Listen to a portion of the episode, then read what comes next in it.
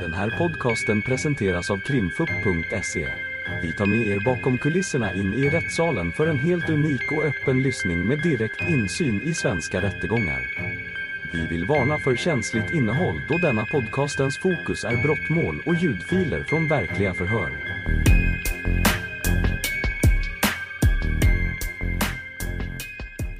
Och då är det vittnesförhör med Salim Tamimi. Varsågod åklagaren. Tack så mycket. Jag Salim, jag är åklagare i det här målet och jag har begärt att du ska höras i anledning av iakttagelser eller ingripanden och göranden i tjänsten som barnkirurg på Karolinska här i Solna. Ja. Och det rör på morgonen eller förmiddagen den 8 september i år och det är en liten pojke som heter Yaman som kommit in som patient till er. Ja. Jag vill att du berättar en fri berättelse vad du har varit med om när pojken kom in och vad du har gjort för eh, iakttagelser och ingrepp och bedömningar i ett medicinskt perspektiv. Och varsågod en fri berättelse så kommer det några små kontrollfrågor sen. Ja. Varsågod. Eh, ja, den här dagen så är jag tillsammans med en yngre, yngre kollega då ansvarig för eh, bland annat larmen. Eh, och hon är ganska ny på plats så att det kommer ett larm och då följer jag med ner till larmrummet direkt för att hjälpa till om det behövs. Eller så. Ehm, Det första som händer är att vi får ett larm. Det är ganska kortfattat. Eh, Man säger att det är en knivskada. Det är lite oklart vad den är så vi går ner och, och, och ställer upp oss helt enkelt och gör som vi alltid brukar med en liten incheckning och kollar vilken personal som är på plats och så. Jag kan säga till det att vi har en tolk där på turkiska Ja. så att vi tar det lite lugnt. Okej, det är jättesvårt att glömma bort Ja. men vi, försöka. vi hjälps åt. Mm. Ska jag repetera någonting? Nej, nej, det tror jag inte. Det gick nog bra. Mm. Okej. Eh, så vi går ner, eh, väntar in larmet och eh, det kommer efter några minuter och då får vi lite kompletterande uppgifter från ambulansen att det är en eh, pojke som har fått ta emot ett okänt antal knivhugg. Eh, det är lite oklart lokalerna men framförallt ansikte och hals är det som vi får berättat för oss. Ehm, och när patienten kommer in så är han vaken men jag tolkar honom som i något slags chocktillstånd. Vi, jag står dessutom lite så att säga, tillbaka i rummet. Det är inte jag som gör den liksom, initiala undersökningen så jag hör inte så mycket om exakt vad som sägs i överrapporteringen. Så att säga. Men, eh, och sen så undersöker vi det här barnet som vi gör med alla barn som är utsatta för trauma på något sätt uppifrån och ner. Eh, och eh, konstaterar att han är vaken, han har multi- multipla skador framförallt på halsen, lite i ansiktet och så hittar vi lite på händerna. Eh, och, eh, men är stabil och då är våran största vårt största bekymmer är väl för att se om det finns skador vi inte ser. Så det som händer är att barnet sövs och att vi gör en röntgen för att se lite grann hur, de, hur djupa de här skadorna är om det är några vitala strukturer som, som är skadade. Om du stannar där. Ja. Det står någonstans att pojken sövs och intuberas. Ja, Och, och vad betyder det Ja, för oss? intuberas betyder egentligen att man säkrar patientens luft. För oftast när man sövs så kanske man inte alltid andas så bra Mm. själv. Så då får man en, en tub som det heter ner i luftstrupen Mm. och sen så är det en maskin som andas åt patienten för att se till att, Okej, att andningen fungerar. All right. Mm. Eh, och det är ett standard. Eh, det gör man på nästan alla traumatiska skador som behöver sövas för att vi litar inte riktigt på att, att barnet andas själv. Och du sa att det blev röntgen. Mm. Och sen så blev det en skiktröntgen från topp till tå i och med att det hela var lite oklart och då brukar vi röntga eh, huvud, nacke, bröstkorg och bål ner, ner till eh, avgångarna för pulsådrorna ner i låren då, för att se liksom, att de stora kärlen är hela och liksom alla organ. Och så. Eh, så det gjorde vi eh, och sen så eh, väntade vi in lite grann vad våra röntgendoktorer tyckte.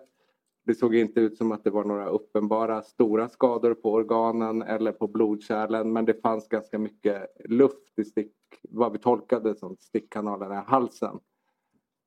Det tillsammans med att det hade framkommit någon uppgift om att pojken kanske hade fått dricka någonting surt gjorde att vi ville ändå titta också med en kamera ner i både luftstrupe och i magsäck och matstrupe för att se att det inte fanns några frätskador. Eller att det fanns mindre stickskador som man inte ser på röntgen då. Det kan man se med eh, dels då en gastroskopi som det heter när man undersöker munnen, matstrupen, magsäcken ner till tolvfingertarmen.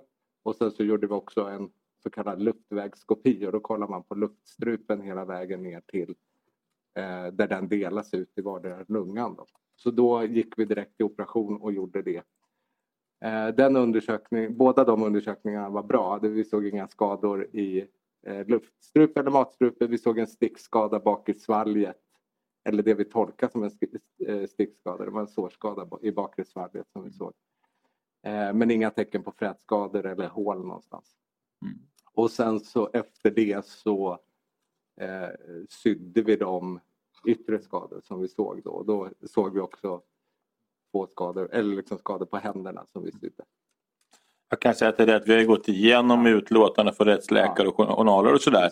Så vi vet exakt hur många skador det var så. Ja, och det minns tyvärr inte jag exakt. Nej, det förstår jag. Eh, och jag, det tänker jag inte fråga om heller. Nej. Men däremot den här skadebilden som du ser på den här pojken. Vad är din bedömning av, av farligheten av de här skadorna?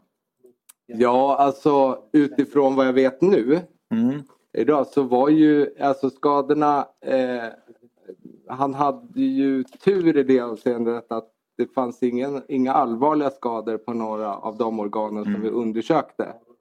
Men jag var ju väldigt bekymrad när han kom in när man ser att någon har stickskador mot hals och ansikte så är ju mm. eh, risken att en vital struktur av något slag har träffats när man... När man mm. Nu sa du något så fint medicinskt ord som inte jag fattar i alla fall. Men om du utvecklar tur ja, alltså, och vad det var du var orolig för. Ja, Nej, men jag var ju orolig för att man hade träffat något av de stora blodkärlen som går upp till huvudet. Ja. Eller venerna som dränerar eh, så att säga, huvudet eh, på blod. Att de var träffade. Eh, det finns rätt många nerver som är viktiga för både svälj och stämbandsfunktion. Och sen så finns det luft och matstrupe där man liksom får man skador på dem så kan Även om de inte alltid är direkt livshotande så kan de bli livshotande mm. på sikt. Så att liksom alla de där eh, organen och strukturerna löper ju i halsen och det är ett litet område så att det var ju det jag tänkte och det som vi behövde mm. liksom, bekräfta eller utesluta när vi gjorde alla de här undersökningarna. Och sen ordet tur då, vad betyder det? Ja, alltså tur i någon slags bemärkelse att eh, det är väldigt litet område och upprepade hugg mot det området är ju potentiellt väldigt farliga och allvarliga. Mm. Eh, Hur potentiellt ja, alltså, är det? De är ju potentiellt dödliga om man mm. Träffar fel. Eller... Kan man säga att det är en sinkadus att man överlever en sån här? Eller vad kan man säga? Eh, jag, jag, skulle säga att det var, man, han hade otroligt tur att inget, inget allvarligt skadades. Eh, så. Och det som nu fick han sannolikt en liten skada på en nerv som, som eh, verkar ändå liksom, det har gått bra. Men, men eh, han hade ju inga eh, stora skador, ingenting som, mm. som, eh, som vi behövde behandla och det är tur. För om man tittar sen i utlåtandet så säger man att det här våldet i och för sig inte var livshotande. Nej. Så är det. Men då kan man ju, juridiken och medicinen kiva sig lite ja. ibland om, om skillnaden mellan livsfarligt och livshotande. Ja. Ja, alltså livsfarligt, att hugga någon i halsen är ju livsfarligt skulle jag säga. Mm. Även om skadorna inte var livshotande när han kom in. Jag tror jag förstår det. Ja. Jag är nöjd så tack. Mm. Särskild företrädare? Inga frågor. Målsägande beträdet? Nej tack. Och så har vi försvararen. Ja, men jag hade faktiskt en fråga för omväxlingens skull. Jo, du berättade då om det som ni gör med pojken när han kommer in. Och anteckningar. Först gör man en allmän undersökning. Och sen utifrån skadebilden så gjorde ni en röntgen. Och det som jag förstår då utifrån de skador ni ser. Och sen så blev det också en operation. Eh, och då har jag antecknat att det gjorde ni då för att utreda huruvida då det fanns några skador med anledning av att han skulle ha druckit någon vätska. Det var alltså en tillkommande information efter de så säga, initiala undersökningarna. Är det riktigt uppfattat? Alltså, vi hade gjort undersökningen då för han hade ju kniv... Vi var ändå tvungna att kolla men den eh, indikationen att kolla ner i, mat, i mm. magsäcken till exempel stärktes ju av den. Mm. Just det. Jag har ju ditt för framför mig och nu är inte det tyvärr upplöst och godkänt. Men det verkar ju vara som att man har skrivit det du numera säger att ni skulle ha gjort en operation ändå Ja. med anledning av halsen. Ja. Så att först har vi undersökning, sen var det röntgen och sen var det operation med anledning av halsskadan. Ja. Och i anslutning till att ni ändå ska göra operationen, då får ni tillkommande information om att han ska ha druckit. Och då utreder ni det också. Ja, alltså den informationen kom redan i undersökningsrummet. Eh, att någon plockar upp det. Jag vet inte om det var någon sköterska eller undersköterska och framför det till Nej. teamet så att säga. Okej. Eh, men de uppgifterna går ju inte att liksom bekräfta på plats. Men Nej. vi eh, slår brett där och kollar så att vi inte missar något. Nej, precis. Och då som jag har uppfattat dig då för att som, klargöra den omständigheten. Då räcker det inte med att man kör ner en spade i halsen Nej. utan då är det som du har berättat då, om i princip en gastroskopi då, där man kollar luft, matstrupe och hela vägen ner. Ja. Bra, tack. Varsågod Mårten. Ja, tack. Jag skulle jag faktiskt en fråga till dig. Ja. Och jag undrar om du har något minne av eh, avståndet till eh, vitala organ? Alltså Ja, avstånd på, skador, på skadorna till vitala ja organ? du tänker liksom stickkanalernas Ja. relation till eventuella kärl och sådär. Ja.